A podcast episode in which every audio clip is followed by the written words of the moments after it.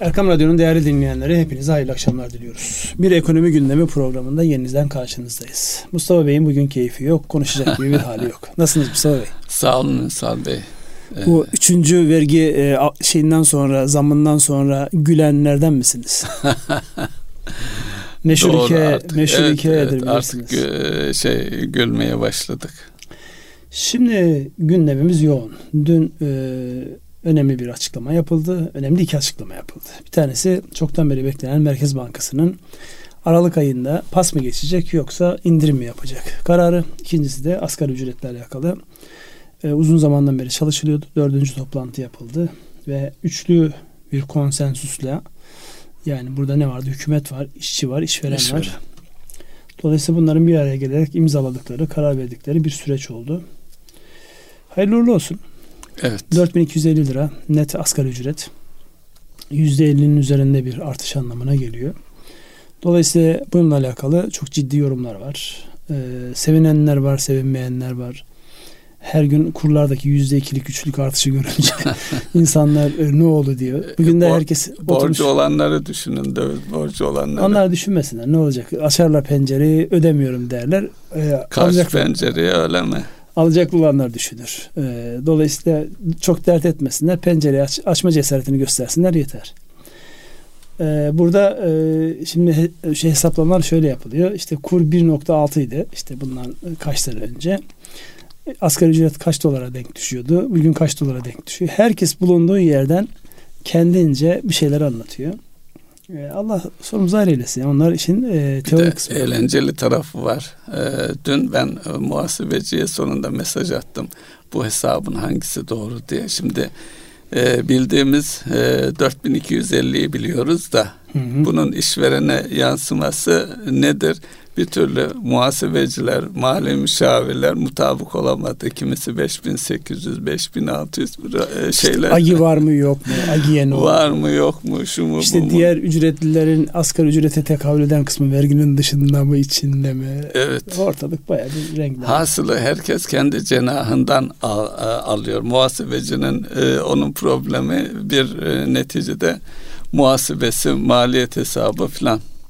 O da enteresandı yalnız. Tabii çetrefilli hale Ve gelmiş eğlenceliydi. olması. Çetrefilli hale gelmiş olması da tabii insanların kafasını karıştırıyor. Epey bir e, ne derler düzeltmek için zaman harcanacak. Neyse Evet biz gelelim şey konumuza. tarafı da e, yani diğer e, asgari ücret e, diğer ücretler içinde indirime konu olacak mı o da tartışılan bir konu. Düzenleme bekleniyor onunla ilgili de. İstersen şöyle düzenli olarak bir akalım buradan. Peki. Yani önce e, Fed kararı bekleniyordu. Fed e, uzun zamandan beri ilk defa oy birliğiyle e, faiz arttırmama kararı aldı.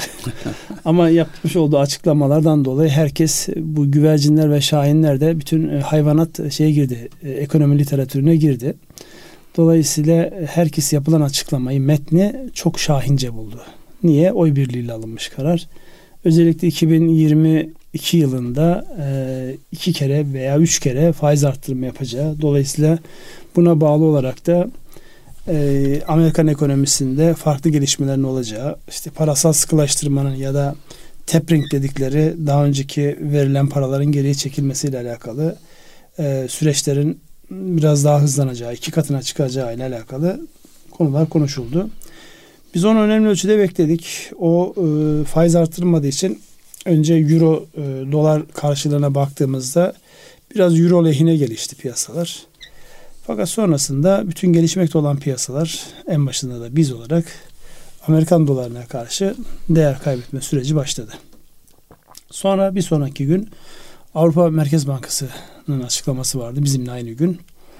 Ee, onlar 2022 yılında kesinlikle herhangi bir faiz arttırımının olmayacağı, enflasyonun 5'lerin üzerine çıkmasına rağmen bundan sonraki süreçte daha da artacağı ile alakalı işaretler verdiler ve kendileri e, herhangi bir faiz arttırmaya gitmeyeceklerinin notunu düştüler. Biz ne yaptık bu arada? Evet, e, bu arada e, Fed'in e, şey e, parasal genişlemeye de devam ediyor. 15 milyar azaltacaktı, 30, 30 milyara milyar, çıkardılar. evet. Yani e, Mart ayına kadar daha e, piyasalara e, para zerk etmeye, daha doğrusu e, Fed'in de bilançosunu büyütmeye devam edecekler. Ondan sonra Bakacaklar. bakacaklar faiz indirimine ve bu e, şahin bir duruş olarak da algılandı. Onu da enteresan bir şekilde vurgulamamız lazım. Millet artık her şey herkes e, mizah çıkarmaya baktığı için e, Fed'in Türkiye'den bir gün önceki bu takvim bir yıl önceden belli olan bir takvim yani. Akşamdan evet. sabah belli olan bir takvim değil. Ama olsun espriye konu olmuş. E, FED Başkanı demiş ki bir an önce biz kararımızı verelim. Bu Türkiye'nin açıklamasından sonra kafamız karışıyor. kafamız karışıyor. Bizim kafamızı bulandırıyorlar. Biz bir an önce karar verelim diye şey yapıyorum. Şimdi Türkiye'ye baktığımızda e, gördüğümüz şu yani şu an e, politika faiz oranı 14'te çekilmiş vaziyette. Evet. Dolayısıyla geçtiğimiz 3 ay içerisinde 19'dan 14'e yani 500 bas puan aşağı çekilmiş oldu. Bu arada kurlar ne oldu? İşte 8'li rakamlardan 16'nın üzerine çıktı. 16'yı yani geçti. Neredeyse ikiye katladı. E, nokta olarak yani tam şeyi söylemiyorum ama şu an ekranım e, kilitlenmiş vaziyette. Grafiği göremiyorum. E, ama ikiye katladığını görüyoruz.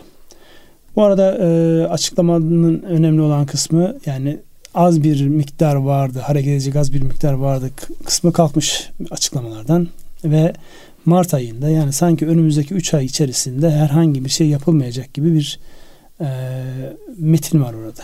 Siz nasıl yorumladınız ya da sizin taraftar olduğunuz ya da katıldığınız görüş nedir? Şimdi e, öngörülebilirlik e, önemli bir unsur Merkez Bankası'nın duruşunda, politikasında. Bir gün önceye baktığımız zaman e, o kadar farklı görüşler vardı ki artırmayacak, 50 puan, 100 e, puan, 200 puan, 300 puan ve hiç kimse de e, bir e, şeyde bir genel uzlaşı ortaya çıkmıyordu. Ancak genel olarak 100 baz puanlık indirim herkes tarafından satın alınmıştı. Bu kararla e, tamam e, yer kalmadı bunu da tamamladık diyorlar ve önümüzdeki üç ayı işaret ediyorlar. Fakat şöyle de bir sıkıntı başladı. Şimdi üç ay sonra ne olacak diye. Çünkü geriye dönük üç ay öncesine gidersek yani e, Türk-Alman İş Konseyi'ndeki e, Merkez Bankası Başkanı'nın e, enflasyonu biz artık çekirdek enflasyona bakacağız ifadesiyle başlayan ne olacak ne anlama gelecek şeyiyle sürekli e, dört kez sanıyorum e, dünle beraber faiz artırıldı. E, kademe kademe bununla bugüne geldik ama bu süreç içerisinde bu e, Merkez Bankası'nın faiz duruşu ve artışıyla ilgili e, e, ne yapacağına ilişkin yorumlar tedrici olarak e, şeyi e, kurar kuru artırmaya başladı ve devam ediyor. Şu anda da devam ediyor. Şu anda da e, üç ay sonra ne yapacak diye bir e, tartışma var. Dolayısıyla bu üç aylık öngörü şunu ifade edebiliriz. Tamam üç ay Merkez Bankası faizde değişim yapmayacak ama bu piyasa tarafından tatminkar bulunmadı 3 ay. 6 ayla ilişkin belki daha uzun bir süreyle ilgili az önce Avrupa Merkez Bankası'ndan 2022'de kesinlikle faiz artışı olmayacak cümlesi gibi veya olacaksa bunu daha öngörülebilir bir halde e, sunmakta sunulsaydı daha faydalı olurdu diye düşünüyorum. Şimdi tabii siz böyle düşünüyorsunuz. Ee, bazılarında da şöyle bir yaklaşım vardı. Hatırlarsanız yani önemli kademelerde görev alan e, arkadaşlarla sohbet ederken Merkez Bankası niye bu e, durumu netleştirmiyor? Yani öngörülebilirliği niye sağlamıyor dediğimizde şöyle bir yorum vardı hatırlarsanız. E, Merkez Bankası elini göstermemeli. Şimdi Merkez Bankası'nın elini herkes görüyor Merkez Bankası'nın şu an Tüm rezervi ne kadar evet. e, işte e, bunu ne kadar swapla brüt e, rezerv arttırıyor. Onlara çıktığınızda ne kadar kalıyor? Bu, bu olmazsa olmaz zaten. Temel unsurlardan bir tanesi. Şimdi herkesin elini göstermemeli gördüğü, mi, gücünü göstermeli mi? Şimdi orada elini göstermemeli. Yani niyetini belli ederek işte yapmama. Ama bu arada biliyorsunuz hafta içerisinde önemli e, üzerinde de çokça konuşulan hususlardan bir tanesi e, yeni Hazine Maliye Bakanımız açıklamalarını yaparken iş adamlarıyla oldukça böyle verimli toplantılar yaptı. Evet. Fakat sonraki açıklamada şöyle bir ifade kullandı. Faizi kesinlikle arttırmayacağız. Evet. Şimdi faizi kesinlikle arttırmayacağız cümlesi işte burada elinizi göstermiş oluyorsunuz. Evet. Yani e, gerektiğinde artırılabilir. Gerektiğinde müdahale edebilirsiniz. Çünkü şu an e, baktığımızda politika faiz oranı kaç? 14. devletin 2 yıllık e, borçlanma e, tahvillerinin üzerindeki rakam kaç? 22. 5 yıllıkta kaç? 23. 10 yıllıkta kaç? 22. Şimdi ee, peki e, istediğiniz dünkü, kadar e, faiz ve e, faiz kararından sonra bu oranlar arttı mı azaldı mı? Yani bu oranlar aslında çok ilgi yok yani. Şeye çok ilgi yok. Yani devlet kağıtlarına bu anlamda ilgi yok. Arttı. Biraz da olsa arttı. Yani faiz indiriminin piyasaya ve hazine borçlanmasına olumsuz etkisi oldu diyebiliriz. Yani burada tabii yeni olduğu için henüz daha e, toz bulut e, karman çorman. Yani her gün e, dövizin yüzde iki, üç, dün yüzde altı arttı biliyorsunuz.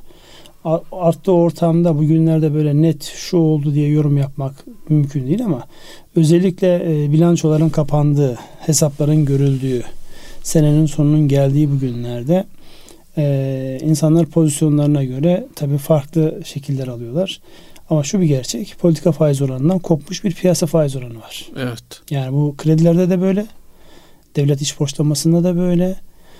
Önümüzdeki zaman içerisinde yani insanların özellikle e, ellerindeki e, Türk lirası sıkışıklığı biraz e, eldeki Türk lirası değerlerin dönüştürülmesinde, nakde dönüştürülmesinde daha fazla iskonto yapmalarına sebep olabilir. Yani biraz parasal sıkıştırma ile alakalı bir şey. Zaten dün hatırlarsanız e, BDDK'dan da bankalara bir uyarı geldi. Evet. Nasıl uygulanacağı konusu tabii şu an hemen e, bilinmemekle beraber özellikle kredilerin amacına uygun olarak kullandırması, insanların e, kredileri alıp gidip onunla döviz spekülasyonu yapmaması noktasında bankaların daha hassas ve dikkatli davranmaları gerektiği gerekmesi cümleyi kuramadım.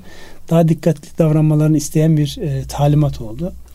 Nasıl olacak sorusunu e, o biraz tabi e, hafiyelik gerektirecek bir mevzu ama en azından yani bu rahatsızlığı beyan etmiş olmaları da önemli bir evet. duruş diye bakıyoruz. Dolayısıyla gündem o kadar hızlı değişiyor ki artık yani bizde de hani o vergileri arttırınca insanların artık ağlamayıp gülme noktasına geldiği gibi e, yani piyasa sürekli yeni atraksiyonlarla gelince artık her şeye gülmeye başladık. E, inşallah sonu hayır olur. Bir taraftan benim üzüldüğüm taraf şu e, özellikle üretici tarafında şimdi yavaş yavaş banka limitleri kurdan dolayı kilitleniyor. Yetersiz hale geldi. Teminatlar teminatlar e, teminat açıkları ortaya çıkmaya başladı. İşletme sermayesi artıyor. Bunların nasıl telafi edileceği ile alakalı önümüzdeki günlerdeki açıklamalar çok önem ifade etti. Bir taraftan da şuna bakıyorum. Geçenlerde televizyondaki yorumculardan bir tanesine sizin de dikkatinizi çekmiş. Yani 3 ay önce ne neredeydik oldu? şu an neredeyiz sorusunun cevabı. Şimdi makro verilere bakıyorum. Türkiye'de şu an enflasyon kısmen de işsizliğin haricinde. Yani ister G20'den bakın ister dünyanın en büyük işte 50 ekonomisinden bakın. Kırmızı alarm seviyesindeki olan iki tane kalemimiz var. Bir tanesi enflasyon oranı öbürü de işsizlikle alakalı mevzu. Yani gelişmiş ekonomilerde daha yaşlı olan ekonomilerde işsizlik çok daha aşağılardayken bizim genç dinamik yapımıza dikkat aldığımızda işsizliğimiz yüzde on birlerde. Aşağı mı geliyor? Evet aşağı geliyor. Pandemi öncesinde altına indi mi? Evet altına indi. Ee, öbür taraftan da işte işletmeler sermaye e, ihtiyaçlarını tamamlayacak ki bu işsizliği e, aşağıda tutmaya evet. ya da aşağı doğru çekmeye devam edelim. Yani çok hızlı yaşadık bu günleri ya. Şimdi e, biraz daha firma e, mikro bazda bakmakta yarar var ne olacak diye. E, dün bir bankacı arkadaşla görüştüm Ünsal Bey. Ka, e, Kamu Bankası'nda çalışan bir arkadaşımız. E, vadeler daha önce bir e, örnek bir firmadan bahsetti.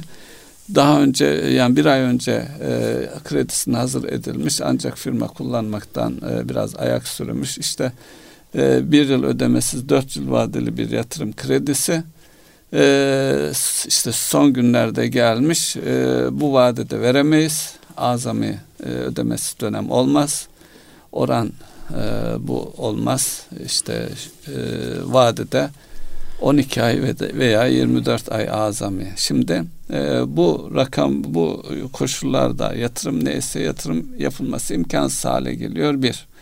Bir de sizin dediğiniz gibi e, şu anda fiyatların yükselmesine bağlı olarak e, firmaların özellikle işletme sermayesi olarak kullandığı kredi limitleri yetersiz hale geldi.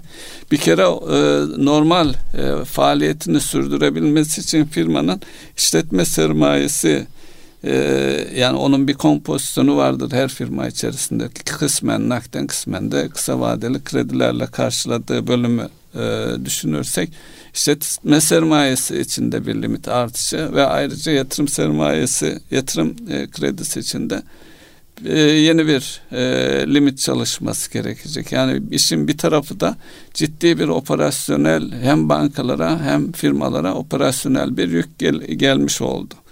E, bunlardan nereden baksanız bugün itibariyle bir bankanın kapısını çalsa bir firma duyacağı şey şudur. E, üçüncü 9. ay verileri tamam ama 9. aydan sonra çok şey olduğu için her banka hele bir 31-12'leri klasik 31-12'leri görelim diye. En iyi ihtimalle o da Şubat'ta gelir. Evet o da Şubat'ta çünkü vergi algı şeyleri e, bilançoların kesinleştiği Şubat ayı.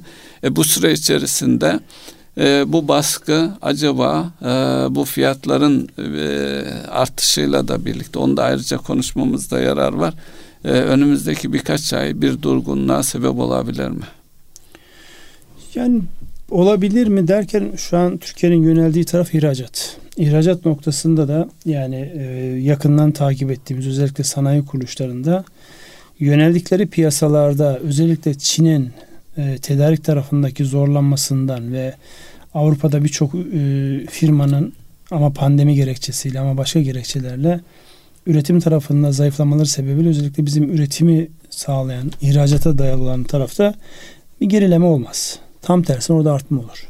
Fakat oraya yöneldiği zaman şöyle bir şey çıkacak ortaya. İç talepte bu sefer e, nazlı davranacak. Yani hangi tarafta daha fazla kar ediyorsa ki ihracat şu an kurlardan dolayı e, karşılaştırdığımızda daha karlı olabilecek bir alan ve tahsilat daha e, kısa vadelerde yani hemen yapılabilecek ya da daha kısa vadede yapılabilecek tahsilatlar olması sebebiyle işletme sermayesi açığı firmaların otomatik olarak e, yapabiliyorlarsa dışarıya yönelmelerine sebep evet. olacak. İçeriye baktığımızda da e, şu an e, tekrar e, özellikle inşaat sektörüne bakıyoruz. Fiyatlar aldı başını gitti. Maliyetlerden dolayı gitti. Biraz da e, fiyatlar maliyetten daha hızlı artıyor bu işte dönemde. Maliyetlerden dolayı gitti. Biraz da konjonktürün getirmiş olduğu bir anlamda e, konjonktürel bir fırsat imkanı insanların e, yukarılara ve enteresan bir şekilde rekor kırdı geçen ay e, evet. konut satışları. E, istatistik var ona da değiniriz. Evet ona şey. da değiniriz. Şimdi bunları yan yana koyduğumuzda yani herkes mala yöneliyor. Yani parada kalmak yerine mala yöneliyor. Eğer para dövize dönmemişse TL'de ise kesinlikle mala yöneliyor. Şimdi bunların getirdiği e, lüzumsuz şey var. Geçen hafta da konuştuğumuz işte marketlerdeki e, kısmen bulunma e, problemlerinin e, kısmen e, kaynağı insanların bir tane almak varken ya buna zam gelecek diye bir üç tane alması. Ee, evet e, şeyde mesela şekerde iki paketle sınırlıdır diye yazılar asılmış. Yani şekerle ilgili de bir konu var. Bir özel şeker fabrikalarının fiyatı bir de e, devletin fiyatı orada bir çelişki nedeniyle çifte fiyat ve mal kıtlığı yaşanıyor. Şimdi bu e, tabi e, detayda mal bazına geçeriz de genel yaklaşım böyle. Şimdi bu yaklaşım içerisinde biz daralmayı telafi edecek bir dış piyasamız var. Dolayısıyla bir kısmı dış piyasaya yöneldiği için içeride de e, hareket edecek bir alanın olacağını ben öngörüyorum. Yani özellikle şu an içinde bulunduğumuz ama danışman ama yönetiminde bulunduğumuz firmalarda ihracata yöneldiği zaman e, karşılayamadığı müşteri, müşteri ihtiyaçlarını diğer rakipleri karşılar hale geliyor. Kapasite e, kullanımı daha üst seviyelere çıkabiliyor. Bütün işletmeler için. Yani piyasanın lideri konumundaki olan firmalar kapasitelerinin bir kısmını yurt dışına ayırdıklarında onların oluşturduğu boşluğu daha önceden kaliteden ya da başka gerekçelerle kapasitesini sınırlı tutan firmalara bir anlamda yeni bir kapasite genişlemesi oluyor. Soru şu, herkes kapasitesini kullandığında yeni yatırıma ihtiyaç duyulduğunda bu yeni yatırımlar nasıl yapılacak sorusunun cevabı. Şu an baktığımızda uzun vadeli kaynak e, yatırım kredileri sadece satıcı kredilerinde gözüküyor. Yani bankalar şu an çok iştahlı değil bu anlamda. Çünkü bilmiyorlar ne olduğunu. Böyle bir süreçteyiz. Onun için sorunuzun cevabı yani su akıp yolunu buluyor ama bu arada birkaç tane şey devrilebilir. Yani üretimi e, bırakabilecek maliyetlerden dolayı, fiyatlayamamaktan dolayı üretime bir müddet ara verecek olan sektörler ya da firmalar olabilir. Onları da duyuyoruz çünkü. Yani e, çok yoğun gündemin hızlı değiştiği bir dönemdeyiz. Hep beraber göreceğiz. Klasik cümle. Evet hep beraber göreceğiz. Ee, bu arada şimdi e, şu döviz artışının toplum kesimlerine yansıması açısından bakarsak döviz e, mevduat oranı yüzde 62'lerin üzerine çıkmış durumda. Yani toplumun belli kesimleri bu artıştan e, etkilenmedi e, yani negatif yönde etkilenmedi diye e, varsayarsak düşünürsek bunun canlılığı devam ettireceğine yönelik bir e, dinamik olarak düşünebilir miyiz? İşte o tutarların tasarruf edilen o tutarların tekrar piyasaya mala dönüyor olması, işe dönüyor olması Veya gerekir. harcanması. İşte harcanması gerekir. Harcanır mı sorusu o dediğim gibi yani şu an şu aşamada onu görmek mümkün değil ama eğer orada bir çözülme olursa yani Türk lirasına güven e, yeniden tesis edilir de oradaki insanlar paralarını çözmeye başlar. Bu arada özellikle Türk lirası varlıklar e, özellikle borsa açısından baktığımızda uygun ucuz hale geldi düşüncesiyle yabancı girişlere başlarsa e, dolayısıyla bu geri çekilme olabilir. Nereye kadar geri çekilme olur sorusu tabii şu an herkes için e, meçhul olan bir başlık. Peki yabancı girişi için özellikle borsaya ve hazine bunalarına ihtiyaç olan nedir? Ya ihtiyaç olan bir kere biz şu an özellikle e, uluslararası reyting kuruluşları anlamında yatırım yapılabilir bir ülke değiliz. Ama ona rağmen riski seven ve bu tip piyasalarda iş yapmayı seven yabancı fonlar var. Yani daha yüksek risk primiyle hareket eden, onun karşılığında da yüksek kar etmek isteyen fonlar, e, sermayeler var. Dolayısıyla onlar bir şekilde geliyor zaten. ipuçları var. Onu görüyoruz. Özellikle borsa tarafında bir yabancı lehine kıpırdama var. Zaten e, yani her günde borsada yani dövizde neredeyse başa baş giden bir evet. artış var. İşte bugün de yüzde dördün üzerinde beşe yakın primli e, hareket ediyordu sabahtan itibaren. E, dövizdeki harekete baktığımızda dövizdeki hareket yani önce işte yüzde ikilerle başladı. Sonra yüzde üçlere, üçlerin üzerine çıktı hatta. Dörtleri buldu. Devam ediyor zaten. Gün bitmediği için henüz oradaki hareketlilik özellikle Amerika piyasası kapanana kadar bizdeki dövizeye de devam edecek. Şimdi buradan baktığımızda yani geliyorlar mı, gidiyorlar mı, alıyorlar mı? Her şey her şey aynı anda oluyor. Peki bu e, döviz artışı böyle devam ettiği takdirde özellikle bilançolara yıl sonu bilançolarına etkisi e, ne tarafta olur? Onu da yine borsadan bakarak anlayabiliriz. Özellikle döviz üretebilme ya da e, bilançosunda döviz varlığı olan döviz varlığı üretebilecek olan firmaların hisselerinde inanılmaz bir hareketleme var. Demir çelik sektörü başta olmak üzere ihracat potansiyeli olan ya da e, demir çelik sektöründe olmasa dahi döviz fazlası olabilmesi geçmiş bilançolarında görülen firmaların e, hisselerinde inanılmaz artışlar var. Çok yoğun yukarı doğru artışlar var. E, bu bir kere e, onların lehine olacak bir hadise. Yani burada e, geçen hafta siz gündeme getirmiştiniz yanlış hatırlamıyorsam. Enflasyon muhasebesi olmadığı için yani sadece pozisyonu muhafaza ettiği için ciddi bir kar elde edip oradan vergi ödeyecek olan çok sayıda firma var.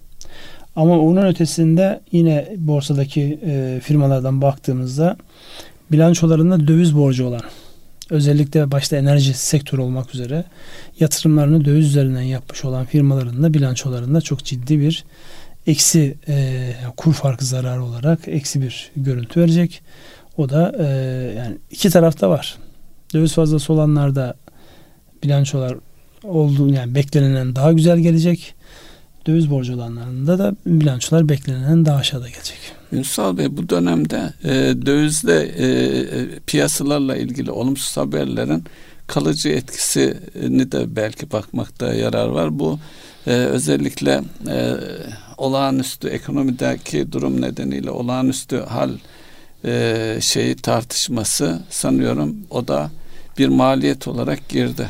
Yani bu tip e, maalesef işte böyle zamanlarda yek vücut olup ülkenin lehine nedir diye bakamayıp siyaseten e, bir pozisyonlamaya girdiğimiz zamanlarda böyle şeyler çok çabuk kullanılabiliyor. Şimdi geçen gün e, BDDK Başkanı'nın e, konuşmacı olduğu bir ortamda yani o da şeyden şikayet ediyor. Ya diyor ki işte bankalardaki dövizlere işte e, devletin el koyacağı falan gibi böyle bir şey tartışıyor. Diyor ki nasıl el koyacaksın? Bu dövizler orada durmuyor ki. Karşılık kredi olarak gitmiş. Döviz yok ki ortada. Yani insanların birçoğunda bunu yani iş adamlarında da ben gördüm. Bilanço özellikle finansal e, kuruluşların bilançolarının mantığı anlaşılmıyor. Finansal kuruluşun boşta bir kuruş parası yoktur elde etmiş olduğu Olsa bütün zarar kaynağı eder zaten. zarar eder. Elde tuttuğu, ele geçirdiği ya da edindiği her kuruşu bir yere bağlamak zorunda. Boşta değil ki gidip de birileri onun üzerinden şey yapsın. Yani gider çöker kredileri de sahip olur. Boşta derken şunu da söyleyelim. ATM'lerdeki paralar boşta olan paralardır. E ancak o kadardır işte. Evet, ancak kadar o kadardır. Hatta hatırlarsanız yani bankacılık sektöründe özellikle sizin geldiğiniz daha ticari bankalarda daha sert uygulanıyordu. Sonra katılım bankalarında da sert uygulanmaya başladı. Kasada tayin edilen limitin üzerinde kuruş bulundurulması cezaya sebepti. O şubenin o şubeyi O şubenin performans şeyi anlamında olumsuz bir not olarak yazılması anlamına geliyordu. Şimdi bunu bilmeyen insanlar zannediyor ki paralar boşta bekliyor. Kasalara yığmışlar, orada duruyor. Yok böyle bir şey. Ha şuna bir şey diyemeyiz. Tabii insanlar farklı gerekçelerle e, paralarını çekmiştir. Nakde dönmüştür yani efektif olarak kasalara koymuştur. Bu Türk lirası da olabilir, altın da olabilir, döviz de olabilir. Onu bilemeyiz. O zaten devletin şeyinde gözükmüyor. Kayıtlarında gözükmüyor. Bankacılık sisteminde de gözükmüyor. Ne kadarı bunların kiralık kasalara çekildi. Ne kadarı ev kasalarına çekildi. Ama bu tip dedikoduların ha, ağır evet. bedelleri var. Yani e, işte e, bankadaki mevduatlarınızın başına bir şey gelebilir. Bunu mesela geçenlerde e, özellikle e, yurt dışı bağlantılı yani azınlık demeyeyim Türk vatandaşı olup da yani kendilerini azınlık diye e, tarif eden insanların işte 1950'li yıllardaki o garip e, olayları şey yaparak Bahane mal ederek. varlıklarını zaman dikkat edin bankalarda tutmayı. Bunların hepsi bu ülkenin geleceğini, mevcuduna ve geleceğine atılmış kazıklardır. Bu dedikoduları yapan, bunun üzerinde fikir beyan eden, bunların derinleşmesini sağlayan herkesin şu an inşallah biz aynı pozisyona düşmüyoruz. Herkesin üzerinde ağır vebal vardır. Çünkü bu tip e, tedirginlikler insanların geleceğe bakmasını engelliyor. Ve her birinin ama kurlara ama e, malın maliyetine bir yerlere ciddi bir yansıması oluyor. Onun için yani bu çok akıllı bir söylem değil. Yapanların da iyi niyetli olmadığına dair yani genellikle niyet okumak gibi bir e, huyum yoktur ama burada niyet okumaya gideceğim. Bunu yapanların iyi niyetli olmadığını düşünüyorum ben. E, zaman zaman davranışsal ekonomiye değiniyoruz. E, şu da bir gerçek. Bu tür şeylerden etkilenen insanlar var. Dolayısıyla e, herkesin bilinçli bir şekilde e, davranması, bu tür e, şeylere prim vermemesi veya neden olmaması önemli. Ya şimdi burada tabii şöyle bir sıkıntı var. İnsanlar diyor ki siz finans sektörünün ekonomi içerisindesiniz. Kur ne olacak? Bunu tahmin etmek çok zor piyasada dolaşan bazı rakamlara telaffuz ediyorlar işte. Şu rakam olacak, bu rakam olacak. Şimdi diyorsun ki mantıken bunun olabilmesi için boşta bir Türk lirasının bir yerlerde bekliyor olması lazım. Gidip döviz alsın. Yani insanlar bir şeylerini satacaklar. Önce TL önce TL ellerinde. oluşturacaklar, sonra gidecekler bununla dövize. Altından dövize dönüş. O zaten etkilemez ki yani. Birisi altın, birisi döviz. Şimdi ekonomik olarak bunu açıklıyorsun. Fakat sonra her gün yüzde iki, yüzde üç, yüzde beş, yüzde altı koyunca adam diyor ki yani hani senin yani Sen TL yoktu nasıl bak. yukarı şey. Dolayısıyla bu kendini gerçekleştiren kehanete dönüşüyor. Şunu da vurgulamak Konuşulan lazım. dedikodu sanki gerçekmiş aman ben geride kaldım diye o saate kadar döviz almamış olan insanların sınırlarını zorlup döviz almalarına sebep oluyor. Bu bir anlamda işte e, tam dediğim gibi kendini gerçekleştiren kehanete dönüşüyor. Önce uyduruyorsun rakam buraya gidecekmiş diye. Sonra kendi söylemiş olduğun rakamın e, teyit edecek bahanelere sığınıyorsun. Piyasada buna imkan veriyor. Atlıyor insanlar e, yüksek tutardaki dövizin üzerine. Evet tabi bu kredilere ilişkin e, bankaların e, kredilerin nerede kullanılacağı netleştirmesi e, önemli bir e, caydırıcılık olabilir bununla ilgili. Teknik olarak çok mümkün değil. Yani birebir aldığında hemen şeye bakması lazım. Yani. Çok zor tabii. E zor bir yani. de şu var bu tür şeyler piyasadaki serbestiyeti sınırlandırıyorsun yani neticede. Yani o kadar olmamakla beraber yani amacına uygun kullanılma konusu yani zaten bankacılığın o disipline olmuş. En disiplinli. Kredi batmasını istiyorsan verdiğin paranın nereye gittiğinden emin olmalısın. Batmasını istemiyorsan. İstemiyor. Ters mi söyledi? Yani istiyorsan gibi bir cümle oldu. Peki, Kimse kredisinin parasının batmasını istemez. Dolayısıyla burada e, yani burada e, insanların tabii ki amacına uygun kullanılma noktasında fakat yani e, dün mesela e, bir arkadaşımızla görüşürüz. Dedi ki mal alımım vardı dedi. E, dolarlarım da vardı ama malı Türk lirası alıyorum. Dolarlarımı bozmadım dedi. İşte e, şeyden katılım bankasından fon kullandım. E, böylece dedi yani ben e, kredi çekip de dövize dönmemiş oldum. Dedi, Emin misin? Emin misin dedim. Elinde kaynağın var. Evet. Ve sen onu tutuyorsun. Katılım bankasından ya da ticari bankadan neyse meşrebine uygun olarak gidip Türk lirası kaynak kullanıyorsun. Dolayısıyla bunu yaptığında dövize yönelmemiş mi oluyorsun? Haklısın ya. Şimdi burada bazen ne yaptığımızı e, bilemeyebiliyoruz. Ama bunun ticari sahipleri. Burada şimdi kötü niyet aramamak lazım. Baktığınızda yani ben onun söyleyene kadar o kişi e, yani yaptığının da o anlama geleceğinin farkında değil. Türk lirası bir mal alımım vardı gittim ben fon kullandım. Son derece makul, cazip bir şey. Bunu dönüp de şeye uyguladığınızda yani totale uyguladığınızda insanlar dövizlerini bozmuyorlar. Gidiyorlar TL kaynağı ulaşabildikleri TL kaynağının tamamını kullanıyorlar. Bu da aynı sonucu getiriyor ortaya. Evet. Dolayısıyla bunun farkında olmak icap eder. Yani niyetimizle uygulamamız, amelimizin örtüşmesi gerekir ama ticaret önce bozuyor. Her şeyi bozuyor. Ne ticaret. oldu diye sorarsak e, 94 2000 e, krizlerinden sonra hatta 2008'de doların uzun süre süründüğü ve aşağı geldiği de vaki. Evet doğru. Bu tip dönemlerde yani biz bunu 2001 krizinin sonrasında da gördük. 94'te de Evet. gördük. En yakında 2008'de de 2008. gördük. Dolayısıyla bu tip ani zıplamaların hepsinin sonucunda e, bunun siyaseten yansımaları farklı olabilir. Tek fark yavaş seyretmesi. Evet. Dolayısıyla burada bir Çıkarken hızlı, inerken, inerken yavaş. yavaş. Evet. Evet istatistiklerinizden söyleyeceğiniz şeyleriniz var mı? Vaktimiz yavaş yavaş ilerliyor. Ee, işte- Özellikle bütün merkez burada ha istisna olan bir şey vardı. Yani dün e, piyasalara sürpriz olarak düşen e, İngiltere Merkez Bankası faiz artırımına gitti. Gerçi çok büyük değil yani. 0.1 iken 0. nokta ya da 0.10'dan ondan 0.25'e 35 çıkar. galiba 25 mi 30 Yani Evet. cüzi bir rakam. Bize göre hiç kıyaslanmayacak kadar bir şey artıyor. O baya bir piyasalarda yani e, ne oluyor sorusunu sordurttu. Çünkü İngiltere Merkez Bankası da dünyada etkili merkez bankalarından bir tanesi. Ve bazı şeyleri okumada önceden hareket edebiliyorlar. Yani e, yüzde yüz her zaman geçerli Londra'nın finans merkezi olduğunu Tabii. düşünürsek finans merkezi olması sebebiyle önceden bazı şeyleri de pozisyon alabiliyorlar. Dün dikkat çeken başlıklardan bir tanesi de buydu. Buyurun. Şimdi e, konut fiyatları aldı başını gitti dediğiniz gibi bir taraftan maliyetler de gitti. E, e, e, son istatistikte istatistikte yani geçen ayın istatistiğinde 178.800 civarında konut satılmış. Bir önceki yıla e, bir önceki e, yılın aynı ayı 112.000 civarında. E, ciddi bir artış var. Yüzde e, 59'luk bir artış var. İpotekli e, satışlarda da artış var. Onun oranı e, 60 e, yüzde 61 seviyelerinde. E, e, burada dikkat çeken bir husus da yabancıların alımlarının artıyor olması. Hem yerli hem yabancıların alımı e, artıyor.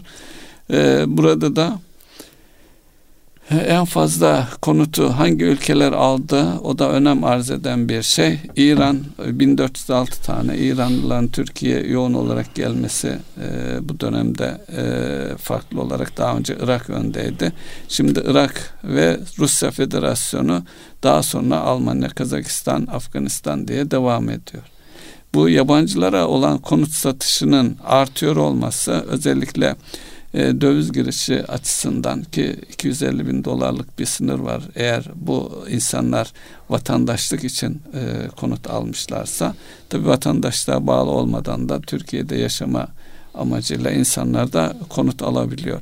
Hatta burada e, yabancılar aldıkları konutlardan para da kazanmaya başlamışlar. Özellikle e, senede bir ay geliyorsa diğer zamanlarda kendi ülkesindeki insanlara kiraya vererek bir e, orada da bir ekonomi oluşmuş. Bu da e, pozitif yönde bakmamız gereken bir şey diye düşünürüm. Yani neticede bu e, Türkiye'deki konut alımlarını artıracak, teşvik edecek bir unsur. Ya bu anlamda Türkiye herhalde dünyanın en e, rahat ülkelerinden bir tanesi. Yani siz şimdi buradan kalkıp Dubai'de gidip bir ev alsanız ya da Suudi Arabistan'da çok daha ya pahalı. da diğerlerinde pahalının ötesinde onu kullanabilmek için oradaki o e, sürekli kalabilmekle alakalı gidebilmekle alakalı çok ciddi sınırlamalar var. Dolayısıyla Türkiye'de özellikle son zamanlarda e, ekonomik boyutu da çok tartışılan e, vatandaşlık, göç ve bir şey daha var. E, burada pasif e, kullanıcılar diye tabir edilen yani şey yanlış anlaşılmasın. Yani gelip e, uzaktan çalışan insanların özellikle e, ekspatların ve emekli olmuş e, insanların ki bizim Antalya bu anlamda Alanya özellikle işte Marmaris İngilizler için Alanya Almanlar için önemli yerlerden bir tanesi.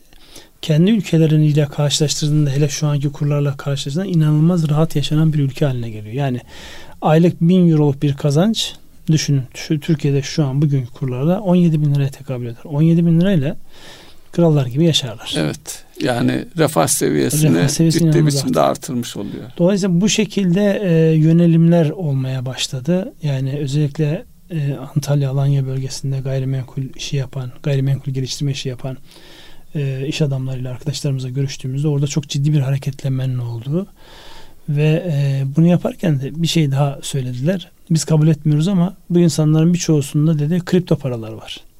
Kripto paralarını bozdurup e, alıyorlar. alıyorlar. Dolayısıyla yani dünyada şu an böyle servet inanılmaz bir şekilde ve enteresan bir şekilde yer değiştiriyor. Yani düşün 3000 e, dolarlardayken bitcoin almış bir adamın 70 bin dolarda satıp oradan oluşturduğu servetin bir kısmıyla gelip yani mümkün mü? Mümkün ama bu tabi aldatıcı bir taraf var. Ya tersi olursa 70 bindeyken evet. alıp 3 binde... O da vakidir zaten. Dolayısıyla işin sadece bir tarafına bakıp cehennemin reklamını kimse e, kimseye yapmasın. Fakat enteresan hareketlenmeler var. Onu görüyoruz. Tabi bu kripto paradan çıkıp alıyorsa e, bir nevi karın realizasyonu gibi e, bakılabilir yani. Öyle. Öyle bakmak icap eder. Başka istatistiğimiz var mı? Ee, başka istatistiğimiz sanayi üretimiyle ilgili var. Ee, ona da değinelim isterseniz. Önemli çünkü bizim şu an yöneldiğimiz yer civarında e, sanayi üretimi Ekim ayı endeksi tabi bu. Yüzde sekiz buçuk e, civarında e, artmış durumda. Tamam. Yani buradaki artış yani son dönemde uzun süredir yatırım lar artıyor idi. Bu onu da gösteriyor. Sonuçları da yansıyor. Ancak işte daha önce biraz önce konuştuğumuz gibi e, tedarik zincirinde herhangi bir aksama olmaması e, önemli. Tabi bu arada tedarik de, zinciri der, derken dünyada da bir takım e, gelişmeler var. Özellikle e, kuzeyde Bering Boğazı'nı kapsayan Çin'den doğrudan e, kuzey ülkelerine yönelik 22 günlük bir deniz e, yolu hattının devreye gireceğine ilişkin özellikle Rusya'nın organize ettiği e, büyük e, nükleer e, şeylerin çalıştığı, buz kırma e, gemilerinin çalıştığı, küresel ısınmanın da kolaylaştırdığı bir süreç. Bunların toplamına bakıldığında sanki her şey yeniden düşünülmesi gereken bir olgu gibi geliyor. Evet. Nasıl e, bakmak lazım? Şimdi burada e, özellikle güçler e, dengesinde Amerika'nın Çin'i sıkıştırmasıyla beraber Çin'le Rusya'nın yakınlaşması artıyor. Geçenlerde bir anlaşma da yaptılar. Birbirlerinin iç işlerine karışmamak kaydıyla her türlü işbirliğini geliştirmesi noktasında bir anlaşmadan bahsediliyor. Bu da tabii e, Çin'in başlattığı kuşak yol projesine alternatif projelerin de gelişmesini sağlıyor. Yani e, her ne kadar ekonomik anlamda Çin kadar büyük olmasa dahi bazı e, ambargo e, tedbirlerinden dolayı ekonomisi istediği gibi büyütemese ama bir taraftan yeraltı kaynaklarıyla dünyanın e, sayılı güçlerinden bir tanesi olan Rusya'nın pozisyonunu kaybetmek istemediği Askeri gücünü de. Evet. Pozisyonu kaybetmek istemiyor. Yani o pozisyona yeni pozisyonlar ekleyerek e, devam ediyorlar. Hatta e, bunun pozisyonu kaybetmediğini nereden görüyoruz? Yani e, vakti zamanında İkinci Dünya Savaşı'nda çok ciddi şekilde birbirine girmiş olan Almanya ile Rusya'nın şu an e, her ne kadar Rusya ambargo uygulansa dahi özellikle Ukrayna'nın e, savunma amaçlı alacağı e, bazı silahların alınmasını Almanya engelledi. Dolayısıyla Ukrayna bu anlamda Almanlara inanılmaz kızgın. Çünkü öbür tarafta özellikle başta doğalgaz, enerji e, bağlantıları olmak üzere Almanya ile Rusya arasında çok güçlü bağlar var. Ona bir de e, bu ticaretin akacağı e, yol anlamında nükleer motorlarla çalışan denizaltıların ya da buz kırıcı gemilerin açacağı yeni bir kanal, yeni bir ticari yol e, bu çıkarların örtüştüğü anlamına geliyor.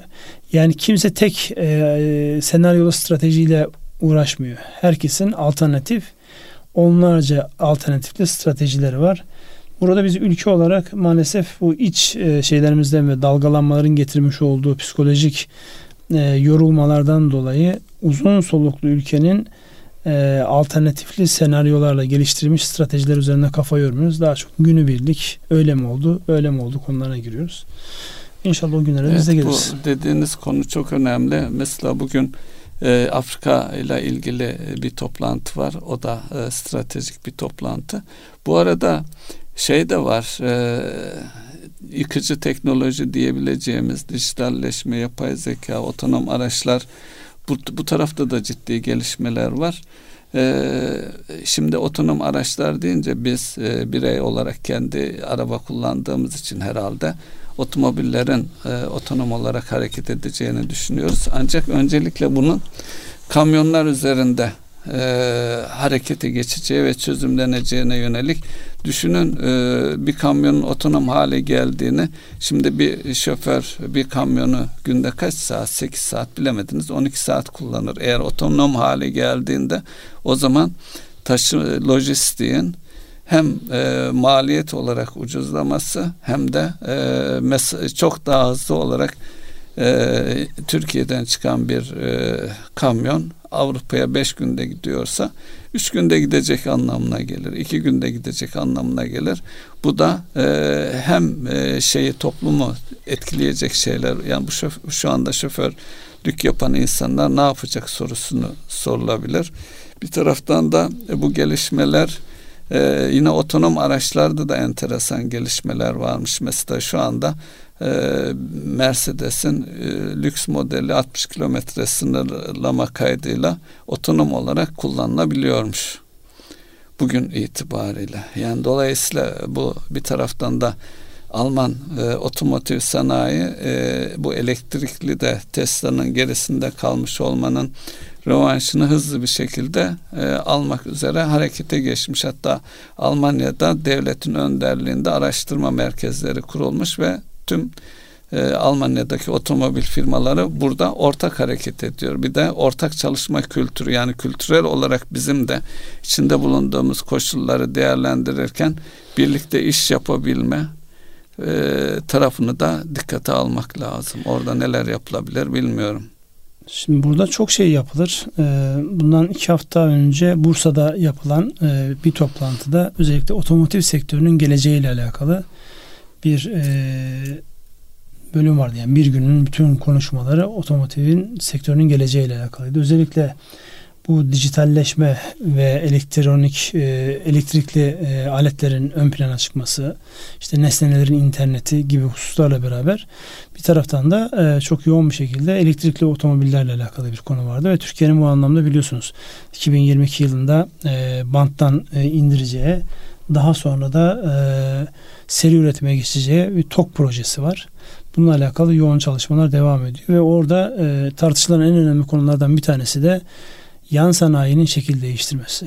Şu an halihazırda klasik e, üretimin şekil değiştirmesiyle beraber e, önümüzdeki dönemde e, motorun elektrik motoru dönmesiyle birçok aksam farklılaşacak. Onların yerlerini farklı şeyler alacak. Dolayısıyla bununla alakalı işte motor üretimi başta olmak üzere birçok konunun elden e, gözden geçirmesiyle alakalı şeyler ve bunlar e, yatırım alabilecek şeyler, e, girişimler. Çünkü Türkiye'nin bu anlamda otomobil ürettiğini düşündüğümüzde çok ciddi e, bir piyasayız biz. Kendi çevremizde de çok e, geniş bir pazar var. Şu an zaten Türkiye her ne kadar kendi markası olmasa dahi uluslararası markaların önemli bir üretim üstleri, üstlerinden bir tanesi. Çok ciddi ihracat yapan bir e, alanımız var. Şimdi burada e, biz de yani başta e, Türkiye'nin e, TOG olmak üzere bunun yan sanayine de yatırımcı alabilecek durumdayız. Çünkü dünyanın geleceği buralarda. Otonom araçlarda bence bu kapsamda değerlendirilebilir şeyler. Çünkü sadece işte motor farkı değil, bütün o konforun, bütün o alanların değerlendirildiği bir şey olacak. Hatta bununla alakalı özellikle programın sonunda söylemeyi düşünüyordum ama 22 Aralık'ta Haliç Kongre Merkezi'nde yapılacak Vizyoner 21 diye bir e, toplantı var. Gelecek çarşamba günü. Gelecek çarşamba günü. Özellikle oradaki e, fark et e, lottosu, e, Online da olacak mı katılım? Katılım da online olacak ama yani fiziki olarak orada çünkü çok değerli konuşmacılar var. İşte fark et mottosuyla çıkıyor. Ve orada neyi fark et? Dijitali, e, iklimi, girişimi ve dönüşümü fark et başlığıyla e, başlıklarıyla daha doğrusu çok sayıda e, yerli ve yabancı e, katılımcıların karışacağı ve çok geniş katılımın olacağını düşündüğümüz bir e, toplantı var. Yani burada özellikle iki yılda bir yapılan bu vizyoner toplantılarının e, gerçekten etkilerini e, görüyoruz. Yani o uzun süre tartışılır hale geliyor. E, 2017 yılında yapılanda ben de bir konuşmacı olarak katılmıştım. O e, toplantılarından bir tanesinde özellikle liderlik mevzu o zaman gündemdeydi. E, şu an o günden bugüne geldiğimizde aradan geçen 4 seneyi değerlendirdiğimizde yani şu bir gerçek liderlik konusu şekil değiştirerek önemini hala fazlasıyla arttırarak devam ediyor. Arttırarak evet ben de onu söyleyeceğim. Dolayısıyla burada da özellikle e, fark etmek yani liderlikte de özel kişisel olarak kendinize liderlik yapın ya da yani küçük bir gruba, sosyal bir yapıya nereye liderlik yapacaksanız yapın. Fark etmekle başlar değişim dönüşüm. Dolayısıyla burada e, vizyonerin başlığının fark et diye e, ortaya çıkmış olmasını da önemsiyorum. Yani şu an e, bildiğim kadarıyla e, ücretsiz kayıtlar devam ediyor. Bu vesileyle e, radyodan bunu da e, belirtmiş olalım. Katılmak isteyen e, genç insanların, katılmak isteyen iş insanlarının e, kaydolup oradan çarşamba günü Haliç Kongre Merkezi'ndeki bu e, etkinliğe muhakkak katılmalarını özellikle e, tavsiye ederiz.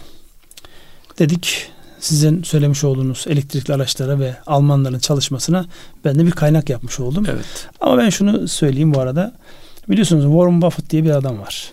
Amerika'nın en ünlü yatırımcılarından. Hayatı da çok enteresan yani böyle çok büyük ekonomik imkanlarla aileden gelen bir servetle değil. Kendi gayretleriyle başlayan, şirket alıp şirket satan, şirketleri büyüten ve geleceğin sektörlerine yatırım yapan. Bunu yaparken de özellikle bilançosuna dikkat ettiği ve ucuz olduğunu düşündüğü alanlara yatırım yapan bir kişi. Ee, onun bir şeyi vardı mesela Amerika'da e, Tesla bu kadar gelişmiş olmasına rağmen Tesla'ya yatırım yapmadı. Gitti Çin'deki e, elektrikli e, araç üreten firmalara yatırım yaptı. Almanların da benzer bir şeyi var. Her ne kadar yani e, en fazla onlar etkilenecekse bu mekanikten e, elektrikliye daha doğrusu işte fosil yakıttan e, elektrikliye dönüşte yani öyle tahmin ediyorum ki en hızlı adapte olacaklardan bir tanesi o. Çünkü arka tarafta müthiş bir bilgi birikimi var. Almanya'yı diyorsunuz. Evet. Almanya özellikle bununla ilgili e, zaten devlet ön ayak olmuş. Şimdi Almanlar o kadar hakim ve güçlü ki otomotiv sanayine e, özellikle elektrikli tarafa e, kayıtsız kalmalarını şuna bağlıyorlar. Zaten şirketler hep hepimizin işi iyi, hepimiz kazanıyoruz. Sorun ne diye. Ama dönüp baktıklarında Tesla'nın hisse e, değeri tüm Alman otomotiv e, şirketlerinin hisse değerinden daha fazla. O zaman çözüm olarak işte burada e, ortak iş yapma derken onu kastediyorum. Devlet devreye giriyor. Çeşitli yerlerde araştırma merkezleri kuruyor. Dönüp otomotiv firmalarına diyor ki gelin burada birlikte hareket ederek bir şey geliştirin. Ve Alman otomotiv sanayi şu anda hızlı bir şekilde e, Tesla'dan kalan şeyi o otomotivdeki gücünü de kullanarak telafi etme noktasında çok hızlı hareket eden bir ülke konumunda. Ee, işte Mercedes örneği verildi. Çok kısa sürede bunu e, yaşayarak göreceğiz diyoruz. Çünkü e, mevcut bir altyapı var zaten. Şimdi burada tabii biz Tesla'ya kilitleniyoruz da Tesla'nın şu anki değeri e, ürettiği ya da bilançosunda ürettiği karlılıkla alakalı bir değer değil. Orada tam da az önce bahsetmiş olduğunuz başlığa vizyona para veriyor insanlar. Yoksa ürettiği araç sayısı yani Alman otomotiv devleriyle ya da Japon otomotiv devleriyle hiç kıyaslanmayacak sayıda yani çok az sayıda üretiyor. Yani işte Türkiye'de bile sayılı şey var yani insanlar sayıyor 50 tane 100 Bir kere tane trafikte gördüm ben. Ya ben e, görüyorum yani muhtelif yerlerde görüyorum. Giderek de sayılar artıyor. Daha önceden dikkatimi çekmiyordu. Şimdi daha böyle dikkatli bakıyorsunuz. Seçici davranıyorsunuz. Fakat öbür tarafta Alman e, markalarının da full elektrikli En önemli eksikliği var. egzozu yok biliyorsunuz. Oradan anlaşılabilir evet. diyorsunuz olup olmadı. Şimdi burada e, yani asıl burada Tesla'yı farklı kılan şey dünyada savunma sanayini, sağlık tarafını biraz Tesla reklamı gibi olacak ama oralarda çok farklı vizyon ortaya koyuyor olabilmesi. Yani e, benzer e, Amerikan firmalar da yaptı. Yani uzaya gidip tekrar geri gelebilen araçların olması şeyi değiştiriyor. Alışkanlıkları değiştiriyor. Hani o filmlere de yansıyor ya göktaşların üzerindeki çok değerli madenlerin gidip alıp evet, gelmesi. Madencilik, madencilik. Göktaş madenciliği falan Şimdi bunlar hayal artık, ediyorlar ve düşünüyorlar. E, uyguluyorlar da bence. Deniyorlar en azından. Evet. Bir şeyler yapıyorlar. Dolayısıyla o vizyondur para eden. Biz de buradan söyleyelim vizyonumuzu geniş evet. tutmamız. Vizyonumuzu geleceğin Hazreti Ali'nin sözündeki gibi kendi yaşadığımız döneme değil çocuklarımızı yaşayacakları döneme hazırlamamız gerekiyor. Dolayısıyla ona uygun da biz de vizyonumuzu evirmemiz, çevirmemiz gerekir. Bu arada e, bu otonom otomobillerle şöyle de bir öngörü var. Kişi eğer arabayı kullanmayacaksa niye satın alsın? Dolayısıyla bugün canı e, Mercedes bilmem ne modeliyle gitmek istiyorsa çağırır, ona biner. Dolayısıyla bu tür araçlarında kiralanabilir araçlarında her modelde yani üretimin baştan ona yönelik olacağına ilişkin bir e, öngörü de var ve otomobillerinde bir çalışma e, mekanı şimdi e, bir Allah korusun bir iş kazası geçirse birisi serviste servise bindiği andan itibaren e, iş kazası sayılıyor. Artık e, normal çalışan biri otomobile bindiği andan itibaren mesainin kronometresini çalıştırıyor olabilir. Çünkü zaten her şey orada önünde hazır. Ofisindeymiş gibi iş yerine kadar e, çalışarak gidecek büyük bir ihtimalle. Evet. Şimdi e, seni tanımayanlar tabi piyasaya çıkan her şeyi denediğini bilseler yani e, şey itibariyle yani ne derler e, skuterlar çıkar skuterları denersin. İşte araç kiralamalar çıkar onları denersin. Dolayısıyla buradaki yeni öğrenme merakını insanlara da bu arada paylaşmış olalım. E, e, ne yapayım kendimi genç hissetmek için başka bir şey bulamadım. Son çare o mu diyorsunuz? Evet. Evet zamanımız ilerliyor. Başlıklarımızda ilave edeceğimiz neler var? Bir taraftan da e, sürekli haberler akıyor yani dünyada, Türkiye'de sürekli haberler akıyor. Özellikle e, bazı e, ülkelerde e, ihracatın kısıtlanmasıyla alakalı e, kısıtlanmasıyla alakalı şeyler var. Yani ülkeler kendi e, mallarına sahip çıkmak adına e, ihracatını yasaklayıp tutuyorlar. Biz de bazı ürünlerde tutuyoruz. Özellikle fiyatların çok yoğun arttığı bir dönemde çimentoydu. Bir dönem camdı. Evet. Sonra bu e, yonga, pan, yonga evet. ve şey üretilen işte Sunta. Evet Sunta e, benzer şeyler. Son üretilen. ismi aklıma gelemedi. Dolayısıyla bunlar var. Öbür taraftan özellikle bu e, omikron e, varyantı ile beraber yeni bir boyuta geçiyor. Yine kafalar karışıyor. Çıkan e, farklı farklı haberler var. Derken çok başlık var. E, bir de e, özellikle Türkiye'nin risk haritası ile alakalı e, bizim Davut Hoca'nın e, hazırlamış olduğu şey var. İsterseniz ondan bir bahsedin. Yani şu an e, insanımız, iş insanımız ve e, Yani bizim gibi bütün insanların algısında şu an baktığımızda Türkiye'nin e, 2022 ve halihazırdaki riskler olarak hangi başlıklar görülüyor? E, şimdi e, bu yıl, önümüzdeki yılla itibariyle öngörülen e, riskler şu şekilde sıralanıyor. E, sırada döviz kuru riski, ekonomik kriz riski, ikinci sırada piyasaların piyasalardaki olumsuz gelişme riski, faiz gibi e, tedarik zincirinde aksama, mal ve ürün kıtlığı riski, e, bilgi teknoloji altyapılarının e, çökmesi riski diye ilk beşini e, bu şekilde ifade edebiliriz.